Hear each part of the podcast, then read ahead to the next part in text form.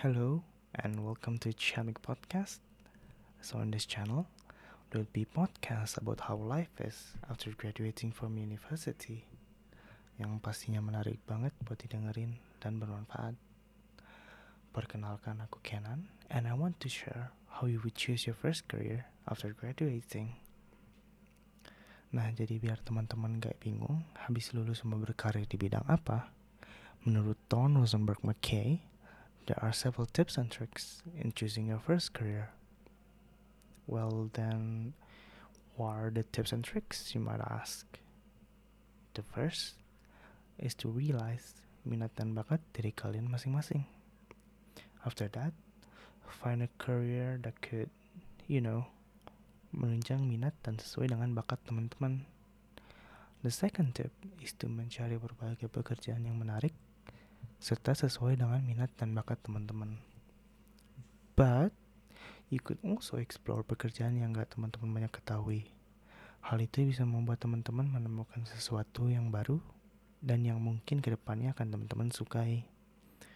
You could research like at least 10 or 20 jobs After that, teman-teman akan membuat list daftar pekerjaan itu, lalu teman-teman explore lebih jauh di antara semua kemungkinannya. You could also find out the basic informations, such as persyaratan pendidikan, pelatihan, dan lain-lain. Setelah mencari tahu informasi dasar, you could remove some of the jobs yang gak sesuai dengan teman-teman. Setelah pilihan list pekerjaan teman-teman menyempit, teman-teman bisa lebih tahu like you know lebih mencari tahu lagi tentang pekerjaan yang tersisa di list pekerjaan tersebut. Well, how? Isn't it obvious? Caranya itu, teman-teman bisa bertanya ke orang lain yang bekerja di bidang yang teman-teman minati. Or you could find that information yourself through LinkedIn or by searching more on the internet. It's free, you know. Setelah teman-teman mencari semua informasi yang teman-teman butuhkan, kemudian teman-teman should be able to choose a career that you like and is in the range of your capabilities.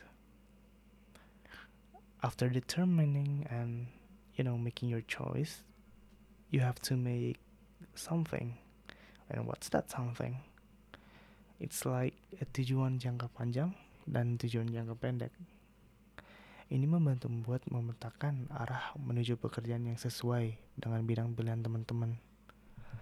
Tujuan jangka panjang biasanya membutuhkan waktu sekitar 3 hingga 5 tahun untuk dicapai.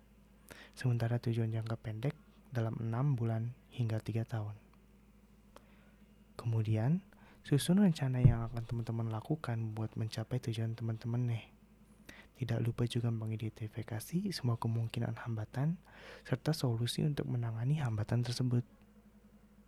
So, remember the steps, cari tahu diri sendiri apa minatnya, terus cari aspirasi karir yang menarik, explore lebih jauh, kemudian pilih atau prioritaskan pekerjaan yang teman-teman ingin explore.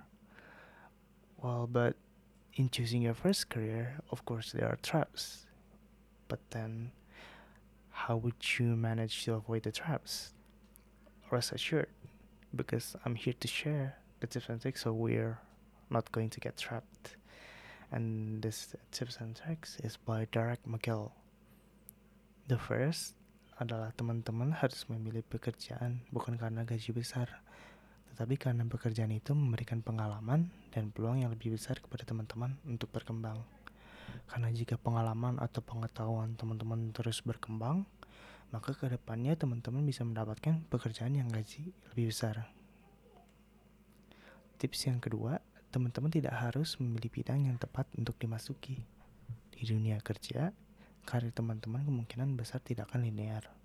Teman-teman boleh memasuki bidang lain yang bisa memberikan lebih banyak pengalaman, lebih banyak peluang, dan lebih banyak pengetahuan. Teman-teman harus mencari peluang dengan keterampilan dan pengalaman yang sangat dapat ditransfer. Teman-teman harus membangun platform untuk diri sendiri yang memungkinkan teman-teman masuk ke pekerjaan apa pun. Tips yang ketiga, yaitu dalam memilih pekerjaan, kita tidak harus memilih perusahaan besar dan ternama. Tetapi yang harus diutamakan adalah melihat peluang yang ada di dalam perusahaan itu dan diperhatikan juga potensi jangka panjang dari bekerja di sana.